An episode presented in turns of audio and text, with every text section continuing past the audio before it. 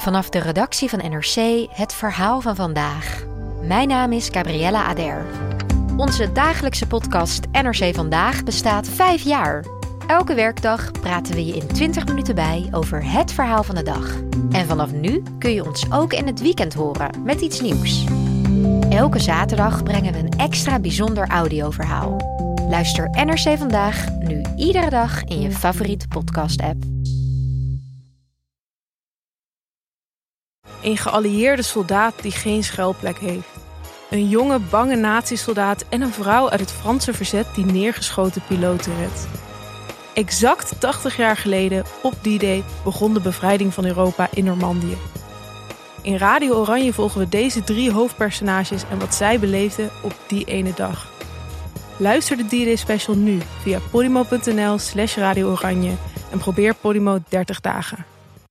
Hallo, vanaf de redactie van de Groene Amsterdammer is dit uw wekelijkse podcast. Ik ben Kees van der Bos.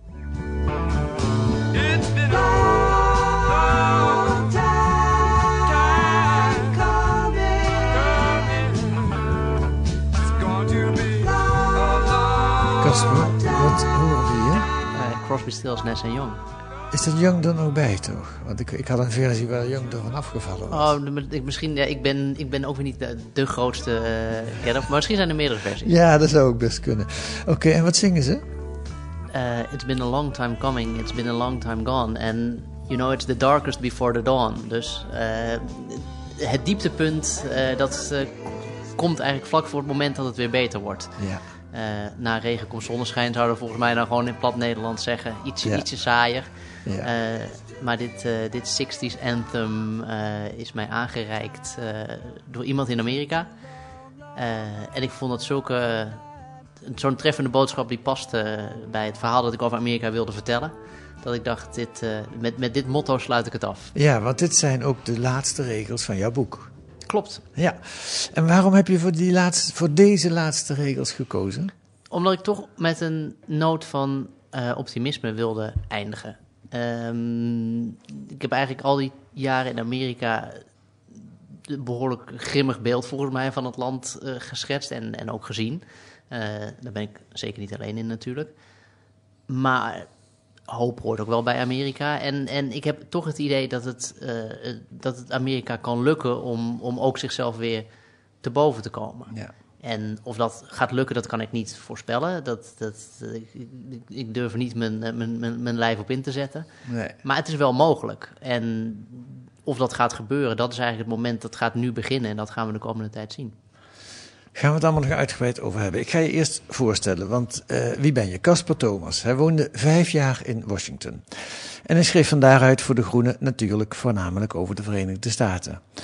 Toen je kwam, Casper, was Trump net aan de macht. Een rollercoaster van vier jaar gekkigheid volgde. Maar net toen iedereen dacht dat we het dieptepunt wel bereikt hadden, was, bereikt hadden, was daar ineens het einde van Trump. En stond er een andere oude man. Joe Biden, democraat. En het diep verdeelde Amerika nam een andere koers. Maar voor hoe lang? En komt Trump weer terug? Eh, welkom in de podcast, Caspar. Leuk weer te zijn. Eh, nee, niet met, die, niet met Amerika beginnen, met jou beginnen. Vijf jaar geleden. Toen, be- beschrijf eens, wie was toen Caspar Thomas en waarom ging hij naar Amerika? Eh, Casper Thomas was toen eh, gewoon, en dat zet ik tussen aanhalingstekens, want werken voor De Groene is nooit gewoon.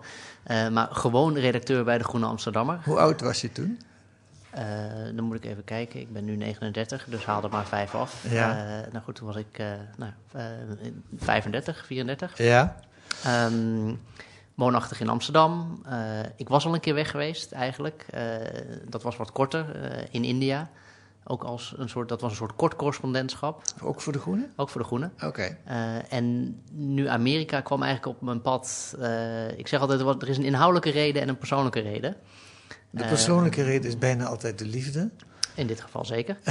Eh, en, dezelfde liefde die er nog steeds is, overigens hoor natuurlijk, eh, was ook degene die, met wie ik toen samen naar India ging, Anna, mijn vriendin. Oké. Eh, die kreeg daar een baan in Delhi en ik ben haar toen daar achterna gegaan.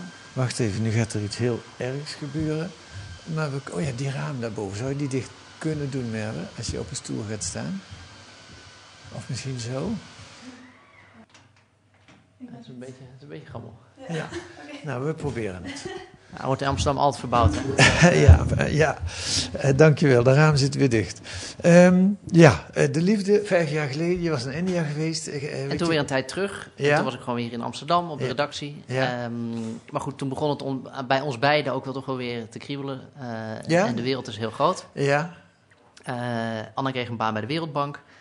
Het was chaos in Amerika. Al moet ik eerlijk bekennen, op het moment dat we de beslissing hadden genomen om te gaan, volgens mij Trump nog niet officieel verkozen was. Dus dat was nog een, een verrassing die er eventueel aan zat te komen. ja. Maar toen dat eenmaal duidelijk was, was er dus ook een hele sterke journalistieke reden om in Amerika, eh, naar Amerika te gaan. ja. Namelijk de meest rare, controversiële, eh, antidemocratische president ooit kwam er aan het roer. ja. Dus ik denk eigenlijk, als, je, als ik op terugkijk samenvattend, ik, ik was denk ik sowieso gegaan.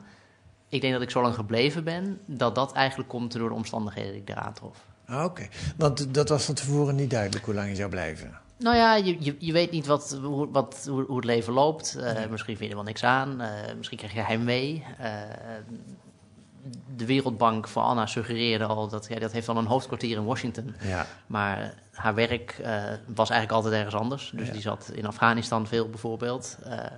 Maar goed, toen we er eenmaal waren, heeft Amerika me toch wel gegrepen. En er was journalistiek gezien zo ontzettend veel te doen daar... dat ik maak altijd het grapje, ik had mezelf in drie stukken kunnen ophakken... ieder deel aan het werk kunnen zetten... en dan nog waren er onderwerpen geweest die ik niet had kunnen beschrijven. ja. Maar aan de basis ligt ook een soort eh, rusteloosheid of de wereld willen ontdekken of zo. Ja, en dat, dat, dat past ook wel bij De Groene. Ik bedoel, De Groene is een, is een blad dat de wereld inkijkt. Eh we zijn niet een, een, een louter op Nederland gericht weekblad. En Ja. Ik was niet direct, eh, wat ik zeg, Amerika-correspondent worden. Dus heeft, dus heeft nooit op mijn expliciete verlanglijst gestaan. Maar het idee dat je je journalistiek kunt oppakken en ook even een tijd elders kunt bedrijven, is wel iets wat ik mij altijd heel erg aangesproken heeft. Het zou ook zomaar weer kunnen gebeuren. Dat is natuurlijk gevaarlijk eh, om dat te zeggen, zeker in de, in de kamer waar wij nu zitten. Maar dat, eh, dat, ik sluit dat niet uit, maar ik denk Nee. dat wij voorlopig echt wel weer even hier blijven. Ja, ja. En- en dan zit je er vijf jaar, daar gaan we het daar allemaal over hebben. Maar waarom stop je er weer mee? Of stoppen jullie er weer mee? Want je bent weer teruggekomen naar Nederland. Ja, en daar ben ik eigenlijk ook ontzettend blij mee. Dat heeft met, met een soort cycli heeft dat te maken. Kijk, een, een, een een correspondentschap, je kunt dat kijk, eh, eeuwig rekken. Je kunt je hele leven in een land blijven wonen. Maar na een jaar of vijf komt toch het moment dat je misschien moet besluiten... wil ik hier echt, echt gaan blijven, er echt wat van maken? Nog meer, wil ik hier echt helemaal gaan aarden? Of is dit een tijdelijk, een tijdelijk tussenstation? Nou, dat is voor ons altijd wel duidelijk geweest... dat Amerika een, een tijdelijk tussenstation was. Ehm, Ja, je, ook- was- je was niet geïmmigreerd. Nee, dat ik, ik, ik heb nooit de behoefte gehad om Amerikaan te worden. En ik heb die behoefte ook niet gekregen in Amerika. Ik ben wel blij dat Amerika een onderdeel van mijn leven is geworden. En er was een nieuw presidentschap begonnen. En, en op een gegeven moment, kijk, als je, er is een soort omslagpunt, denk ik. eh, zeker ook voor, voor, voor correspondenten. Op een gegeven moment wordt het ook heel moeilijk om nog ooit, ooit terug te gaan. Op een gegeven moment heb je, is er een punt, dan heb je, je hebt te veel gemist aan ontwikkelingen, aan mensen. En op, dan vind dan nog maar weer eens de aansluiting als je terugkomt. Ja.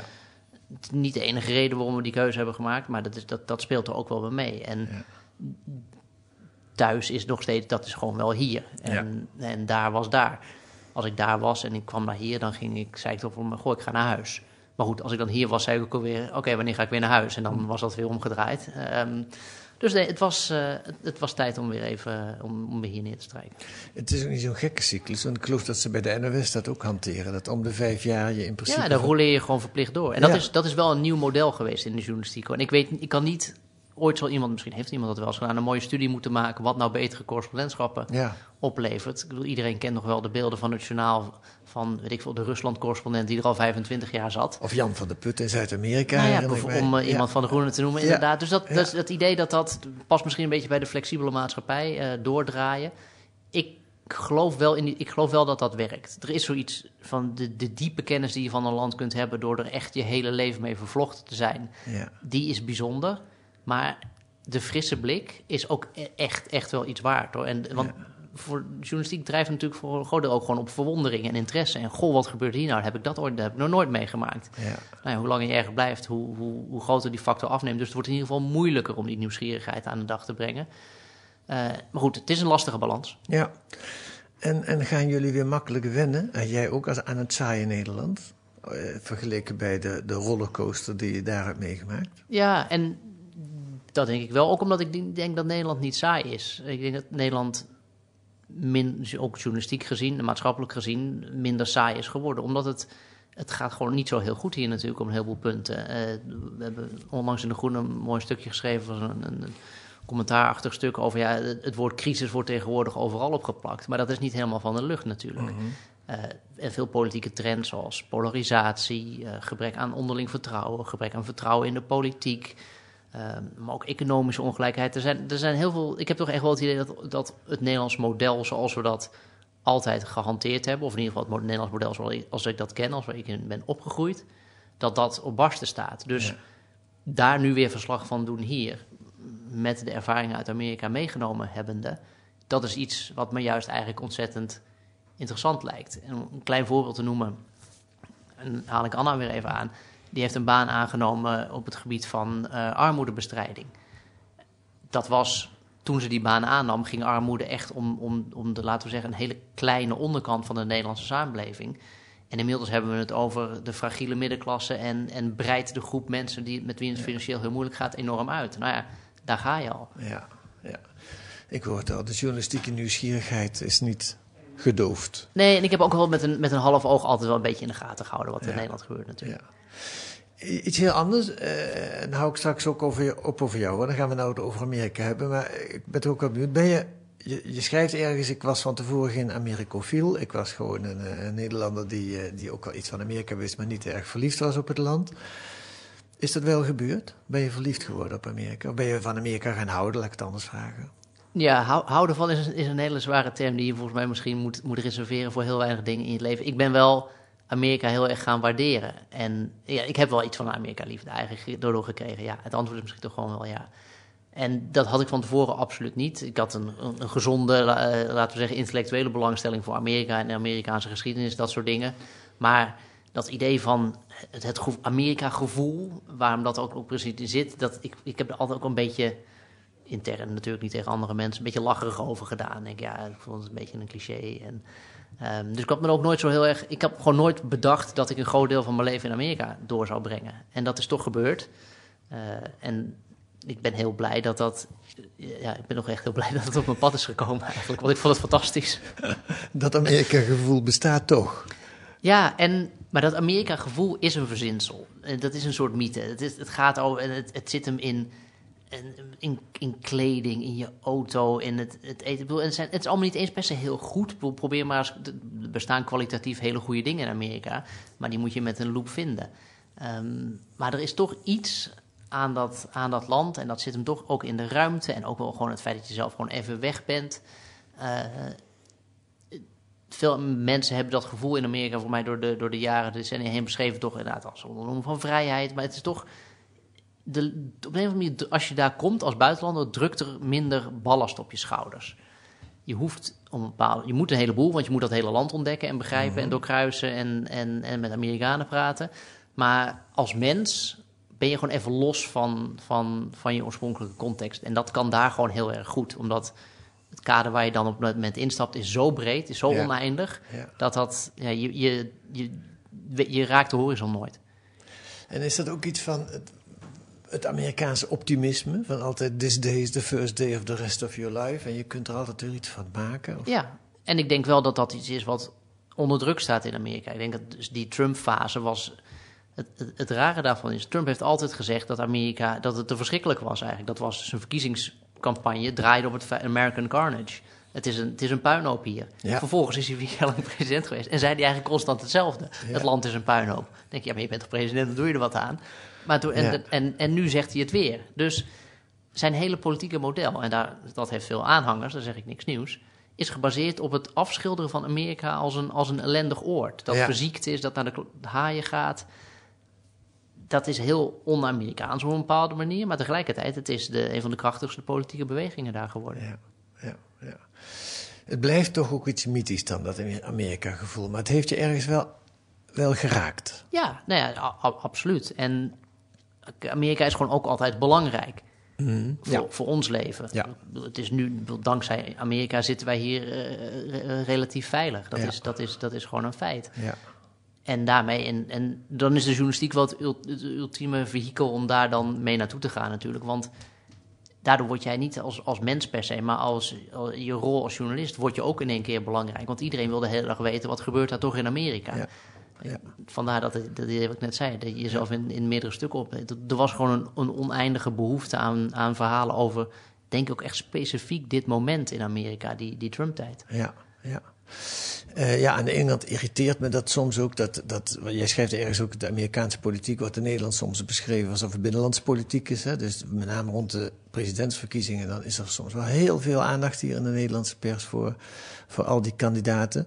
Ehm, maar aan de andere kant, eh, om maar iets te zeggen, Oekraïne, eh driekwart van de militaire steun wordt betaald door de Verenigde Staten. Het is, de, het is wel even belangrijk wat daar gebeurt. Ja, zonder Amerika, zou ik zeggen, dan, dan zouden we niet geweten hebben waar de grenzen eh, van Poetins oorlogszucht en, en Ja. vernielzucht gelegen zouden hebben. Ja. En het is momenteel dankzij Amerika dat daar een, in ieder geval wordt, wordt teruggeduwd en dat dat, voor zover als dat gaat, een halt toe wordt toegeroepen. Ja. Dan, en we hebben natuurlijk, Amerika is, is, is, is verre van perfect. En ik wil geen pleidooi houden voor, voor buitenlandse avontuur, militaire avonturen van de Amerikanen. Maar dit is, dit is echt een defensiemoment. Ja. Eh, en we hebben, dat schrijf ik volgens mij ook, we hebben als Europa gewoon nog niet bewezen dat we het zonder Amerika af kunnen, wat dat betreft. Nee, Ook trouwens, één, één kleine zijspoor misschien, dat, ik wil niet meer met jou, jouw planning bemoeien, maar ik Ja. zeg de hele tijd, ik schrijf. Maar Ja. misschien moeten we even vaststellen waar, we, waar, waar, waar dat schrijven in, in, in heeft plaatsgevonden, dan wel plaatsvindt. Want anders begrijpt het iedereen die referenties niet. Je bedoelt je, boek- je boek. Nou, Kees, dat je, er- dat je, de- om, omdat, je, omdat je ernaar vraagt. Nou, daar gaan, we, daar gaan we nu naartoe. Dat doe ik weer met een fragment. Want we hebben het het einde van je boek eh, eh, gehoord, tenminste, dat werd gezongen. Maar je beschrijft ook in dat boek eh, waar het idee voor het boek ontstaan is, waar het begonnen is. En dat is volgens mij hier. This is America's day. This is democracy's day. A day of history and hope, of renewal and resolve. Through a crucible for the ages, America has been tested anew, and America has risen to the challenge. Today, we celebrate the triumph not of a candidate, but of a cause the cause of democracy. Het gaat niet zomaar om een kandidaat, een nieuwe president, maar het gaat om een, om een zaak, de zaak van de democratie. Joe Biden was dit bij zijn, eh, eh, hoe heet dat, inaugure- inaugurele speech of zijn aanvaardingsspeech.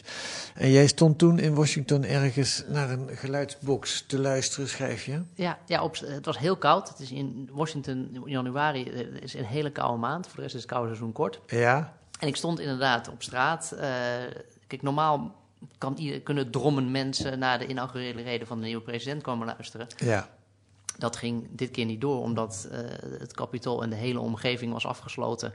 Vanwege wat daar op 6 januari 2021 was gebeurd. Namelijk de aanval van de Trump-supporters op dat kapitool. twee weken voor de inaugurale reden. Exact, dus je kon er niet bij. Wat natuurlijk wel een beetje een, eh een bummer was, zoals de Amerikanen dat dan zouden zeggen, eh, voor, een, voor een correspondent. Maar het was een beetje onduidelijk in de stad, wat, wat, wat gaat er dan gebeuren? Ja, kunnen we, kunnen we de straat op? Ja, dat kan. Eh, maar ja, waar ga je dan samenkomen? Want je mocht echt het centrum niet in. Ja, En op een gegeven moment, ik zat, was toch eh, de- naar de binnenstad gegaan. En, en op een gegeven moment had er ergens stond er een klein groepje mensen. En die stonden als het ware, als een soort ha- open haardvuurtje, stonden ze om die, om die geluidsbox heen die op straat was gezet. Waar de woorden van Biden eh uitklonken. En het, het grappige is, ik luister, ik heb, ik heb die woorden vaak geciteerd. Maar ik hoor ze nu voor het eerst eigenlijk weer, sinds dat ik ze destijds hoorde. En het, het, het, het klinkt wat stom, maar ik kreeg net een beetje kippenvel van. Denk, en dat is toch, dat is volgens mij dat Amerika-gevoel. Dat, Ja. Je hebt toch het idee dat er echt iets op het spel staat. En dat vind ik een heel groot contrast. Dat, dat, dat, die vroegen net ook naar, tot, met hoe het hier soms is.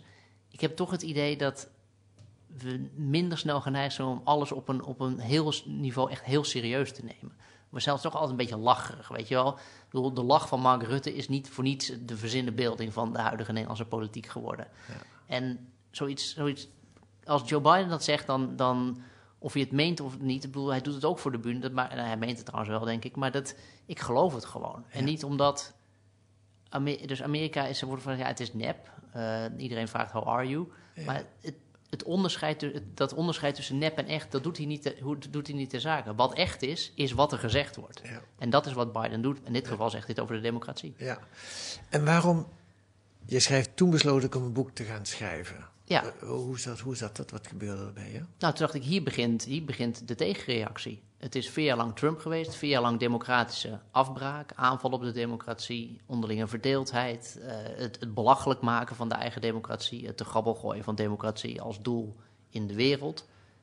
En in één keer besluit Amerika om compleet het tegenovergestelde te gaan doen, want ze kiezen een president die zegt, het gaat absoluut niet om mij, ook al een compleet contrast met Trump natuurlijk, maar het gaat alleen maar om een doel. En het belangrijkste doel wat er bestaat voor ons als Amerikanen en voor de wereld, dat is de democratie. Dus Amerika is aan een, begint aan een diametraal tegenovergestelde missie, Ja. vier jaar later. Toen dacht ik, ja, dat, dat moet ik volgen. Ja, ja en, en je schrijft ook wel terecht in je boek en ook in het artikel uit deze week dat in De Groene staat een, een voorpublicatie uit dat boek. ehm, dat het net zoveel over Amerika zegt dat er op een gegeven moment een keuze voor Biden gemaakt wordt, als dat er op een gegeven moment een keuze voor Trump gemaakt is. Ja, ja dat vind ik, ik ben blij dat je dat uitlegt, want dat vind, ik vind dat een heel belangrijk journalistiek punt. En dat, kijk, toen Trump verkozen werd, het, het- ieder medium ter wereld, of het nou geschreven of op, radio of televisie was, maakt niet uit. Echt, echt de hele wereld was alleen maar met Trump bezig. Het is ongelooflijk hoeveel media-aandacht dat heeft Die veroorzaakt. was ook een magneet voor het nieuws eigenlijk. Ja, want hij deed rare dingen, hij Ja. zei rare dingen. Dus ik, het is heel logisch dat je Ja. dat doet. Ja. En ik heb er zelf aan bijgedragen. Ik heb talloze artikelen over Trump geschreven. En, Ja. en dus, maar dat, tegelijkertijd was dat misschien wel een voor blikvernauwing, maar die wel te rechtvaardigen valt vanwege het, de breuk die het was met wat daarvoor kwam in Amerika en de extremiteit ervan. Maar tegelijkertijd vind ik dan dat je ook op een bepaalde manier consequent moet zijn. En als je zegt, en dat, want dat was de kern was van die heel veel, van die heel veel stukken, en zeker de wat, wat afstandelijkere, beschouwelijke stukken uit, uit kritisch linkse hoek, zeiden ja, die Trump, die, die, moet je zien als een signaal van een, een vergeten klasse in Amerika Ja. of een bepaalde Ja. fase in de geschiedenis van Amerika. Zeg maar, het ging niet zozeer om Trump zelf, maar om wat dat, waar dat dan voor stond. Dus je moest dat ook je moest dat heel serieus nemen en mocht Ja. je niet eh, weglachen of wat dan ook. Nou prima, maar dan is Biden ook een signaal. Er is geen enkele, enkel verschil. Numeriek gezien is er zelfs een, is er, is er een reden om te zeggen... Biden is een veel sterker signaal... want er zijn meer Amerikanen die op hem stemmen dan op Trump. Dus wat voor signaal is Biden dan? Maar niemand stelde ooit die vraag. Want het was, ja, ja Biden, heb je die oude Biden weer. Oh ja, Ja. de democrat. Dus, maar dat is, dat is, dat ik zeg, dat is vanuit journalistiek perspectief volslagen inconsequent. Je moet Ja. ze allebei als even sterk signaal behandelen. Ja. En wat Biden doet is eigenlijk behoorlijk spectaculair. Ja, en dat is. Kijk, en Biden heeft natuurlijk niet de. Misschien niet de retoriek van Trump die u onmiddellijk signaleert van dit is spectaculair. Nee. Maar eh, het is A spectaculair omdat het een politicus is die op vrij late leeftijd toch ook wel een persoonlijke transformatie doormaakt. Hij was altijd erg van de mainstream, een beetje met de winden meewaaien. En als ik het even heel grof samenvat, is Biden de meest progressieve president die Amerika ooit gehad heeft op het gebied van klimaat. Niet ooit misschien, maar nou ja, wel op het gebied van klimaat sowieso. Het is sowieso de meest progressieve president die Amerika op economisch gebied in tijden heeft gehad. Dus er gebeurt eigenlijk nu veel meer in Amerika dan er onder Trump gebeurde. Maar toch denken we, ja, dat, het, iedereen heeft het idee, ja, dat Bi- Biden, dat kennen we wel. En Trump was nieuw. Ja, en wat onder Trump gebeurde was voor journalisten sexy, omdat het zo bijzonder, zo raar was en zo, zo buiten de orde. Ja, het was een soort, soort softe variant van, eh, van, van conflictjournalistiek, Ja. maar dan op politiek vlak. Ja, ja. Eh, Oké, dat punt eh, hebben we gemaakt. Je hebt voor een vrij dramatische titel gekozen eh, voor je boek, De Laatste Kans. Is het echt zo erg? Kijk, dat, ja, dat, nu doet de titel graag wat ik wil dat hij doet, want dan kun je inderdaad die, die vervolgvraag stellen. En daar heb ik natuurlijk ook wel een beetje een soort eh, staaltje Amerika meegepikt. Ik denk, ik zet het lekker dik aan. Eh, kijk, natuurlijk, Amerika bestaat nog, eh, ook als dit moment, het Biden-moment noem ik het dan maar even, als dat niet gegrepen wordt, dan is er ook nog een Amerika. Maar ik denk wel dat het Amerika zoals we dat gekend hebben, zoals we dat kennen nog, eh, als functionele democratie, eh, dat dat echt in de waarschaal staat. Het heeft via Trump net op het randje na overleefd. Ja. Ik betwijfel, maar goed, dat is, je kunt nooit journalistiek over de toekomst schrijven, maar ik betwijfel of Amerika dezelfde ervaring nog een, als functionele democratie nog een keer zal overleven. Dus formeel zou de titel moeten zijn: Amerika's democratie nog één kans of zoiets. Maar dat werkt allemaal niet. Dus, dus gewoon, we, ik zeg, we gooien hem er gewoon dik in. Amerika's laatste kans. Je bent toch een beetje een Amerikaan geworden. Wat dat. Maar het is ook wel heel serieus in de zin van nog een keer vier jaar Trump, wat niet uitgesloten is. Hè. Eh, Nee, overigens ook geen garantie is. Nee, Maar nee. Maar, maar dus de, waarom zou Amerika dat wel eens niet kunnen overleven? Wat denk je aan?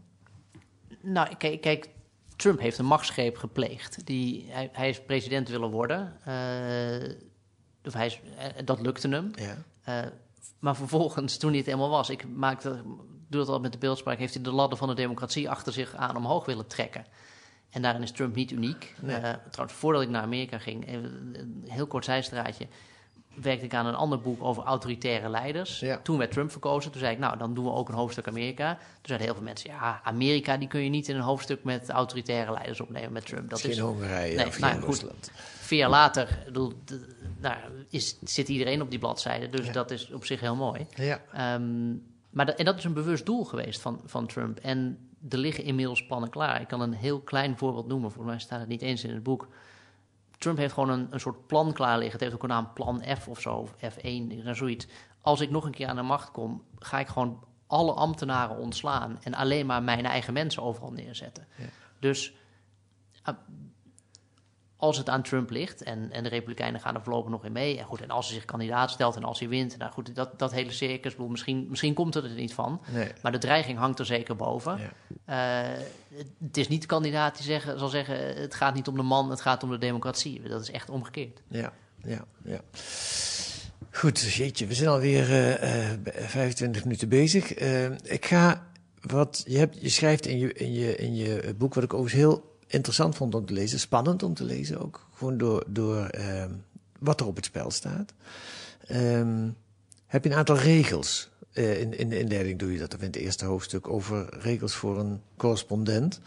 Een van de regels is, denk niet dat je Amerika ooit, eh, dat je de waarheid kunt eh, vinden, want die, achter, achter elke waarheid zit, zit nog een waarheid. Ehm, eh, regel, nou dat is eigenlijk je vierde regel. Het lukt je niet, zeg je als correspondent, om een totaalplaatje te maken. Letterlijk schrijf je, maar- het wegtrekken van het gordijn is onderdeel van de show. Achter het onthulde staat weer een nieuwe show, ad infinitum. Ieder stukje zegt iets over Amerika, maar een totaalplaatje ontbreekt altijd. Regel 4 van de verslaggeving in de VS. Ehm, ik vroeg me af toen ik dat las, ik, snap, ik geloof dat ik snap wat je bedoelt, maar geldt het niet in elk land? Ja, dat waarschijn- waarschijnlijk wel. Maar we zijn toch in een. Ja, maar ik denk wel dat Amerika, laat ik zeggen, kaleidoscopischer is, gefragmenteerder is, diverser is. eh, en dat, dat is een statistisch feit. eh, dan, dan heel veel andere plekken in de wereld. Ehm, we hebben het nu in het begin ook al wat over Amerika, de Amerikaan, Ja, de ja. Amerikaanse ervaring. Ja. En ik snap, dat is, dat, het is logisch dat we dat soort begrippen gebruiken. Maar wat mij dus juist opviel daar, is dat alles binnen, binnen, binnen het, het fysieke kader dat Amerika is, is eigenlijk elke menselijke ervaring eh, mogelijk en, mag ook, en, en, en, en denkbaar. En dus ook extreme eh, tegenstellingen. En het is een cliché, ja, het is een land van contrasten. Ja, ieder, ieder land is inderdaad een land van contrasten. Maar een expliciet model waarin er... En het is ook een soort belofte van Amerika aan de toekomst... dat andere levenswijzen, andere voorkeuren, eh, opvattingen, et cetera... ook wat er in de toekomst allemaal op dat vlak kan bestaan... zou in principe een plek mogen hebben in Amerika. Het is een model dat onder druk staat, dat Amerikaanse model. Ja. Dat klopt. Maar dat is, wel, dat is wel waar het om gaat in Amerika. Dus, en ik heb die regel en, en, en ook die andere regel van... eh, je, je zult Amerika nooit, nooit helemaal begrijpen, zoiets. Eh, dat heb ik ook een beetje opgesteld, omdat ik... Ik zag ook een soort trend, die zat zeker in die Trump-jaren, zat die ook... van Amerika-verslaggeving, zo van... eh, het, het- ja, maar nu heb ik het echte Amerika ontdekt. Zo, alsof er een soort nep-Amerika bestaat. En dat zit dan, weet ik veel, in een grote stad of in Silicon Valley of wat Ja. dan ook. Maar dan is er ook nog het echte Amerika. Ja. En dat was dan ergens in het binnenland in een klein dorpje waar de, eh, de fabriek was gesloten en iedereen in een diner zat. En dat stemde natuurlijk dan ook op Trump. Ja, Maar toen dacht ik, ja, als je dat op die manier insteekt, eh, journalistiek gezien, dan trap je eigenlijk in de, in de populistische valstrik die Trump heeft uitgezet. Namelijk gezegd, ik ben de vertegenwoordiger van het echte Amerika. En, en die andere, die an, dat andere zijn niet, e- zijn niet echt. ja. Ik zei net al, het onderscheid tussen nep en echt, dat, dat, dat doet niet ter zake als het gaat om Amerika. En dus moet je daar in de journalistiek dus al helemaal niet in meegaan. Ja. En je moet voor de lol is zeg maar, zou iemand eens een keer moeten doen, eh, weet ik veel, 30 jaar eh, boeken in Nederland over Amerika teruglezen.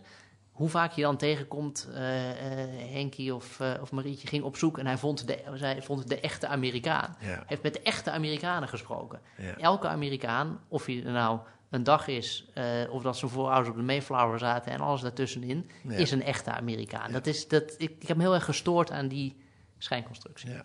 Het is wel grappig, want het is eigenlijk dezelfde schijnconstructie die je net bestreed. Van dat je Trump wel belangrijk vindt als signaal. En Biden zegt, ja, daar heb je weer de zoveelste president die veel minder persaandacht dreigt Het te is, krijgen. het, het is exact hetzelfde inderdaad. Kijk, ik, ja. bedoel, ik zeg, Biden is een wat minder duidelijk, of minder krachtig, of wat minder eh, helder signaal, maar, Ja. maar, niet, maar niet minder belangrijk. Dus je, eh, sterker nog, je moet veel beter je best doen, eigenlijk als journalist, of als journalistiek, laat ik de hele beroepsgroep aanspreken, om uit te leggen en te begrijpen wat het signaal Biden is. ja.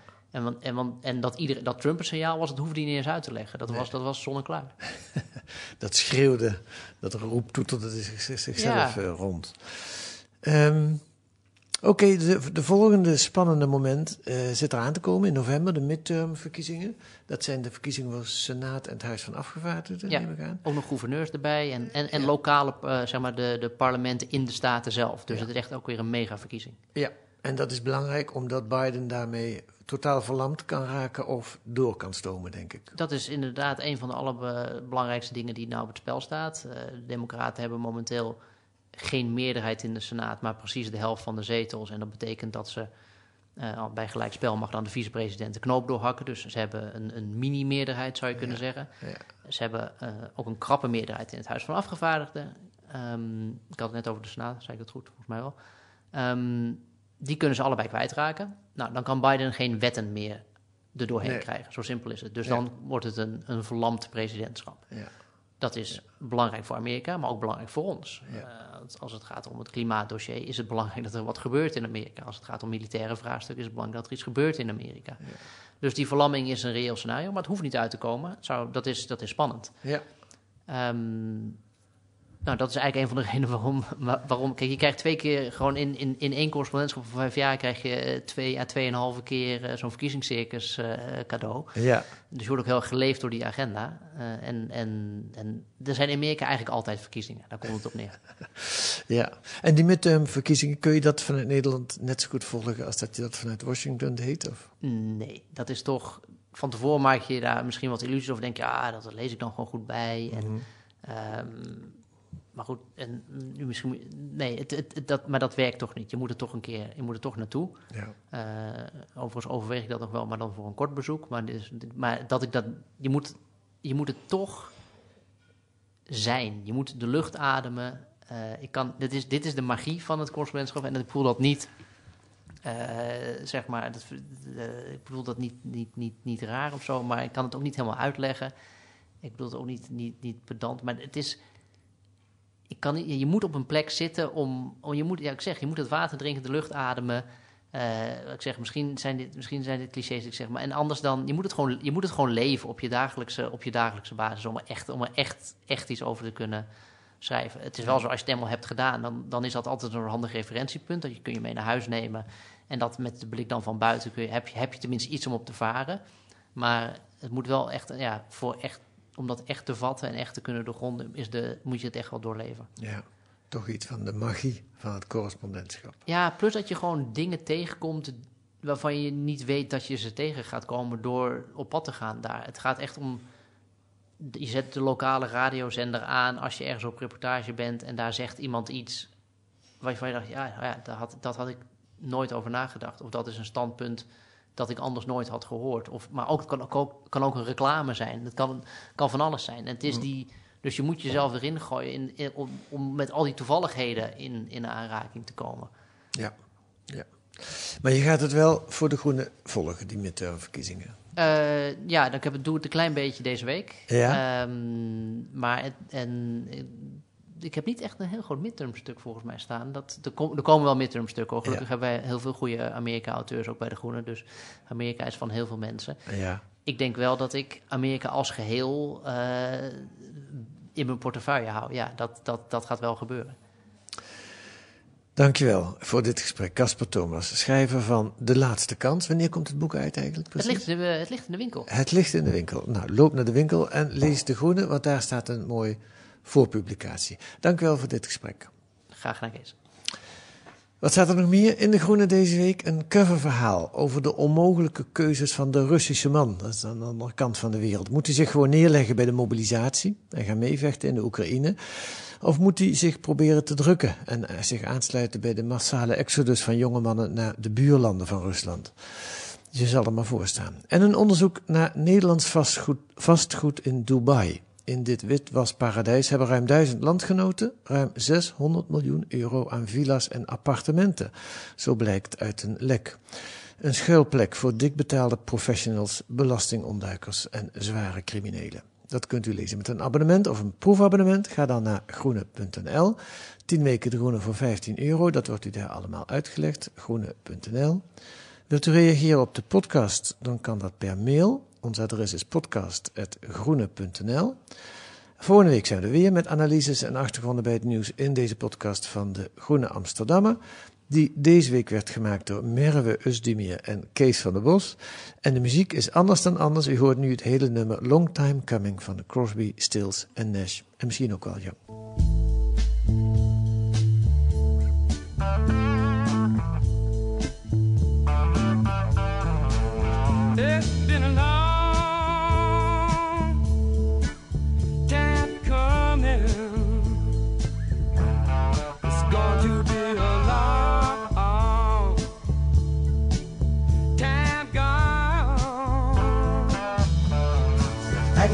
And it appears to be a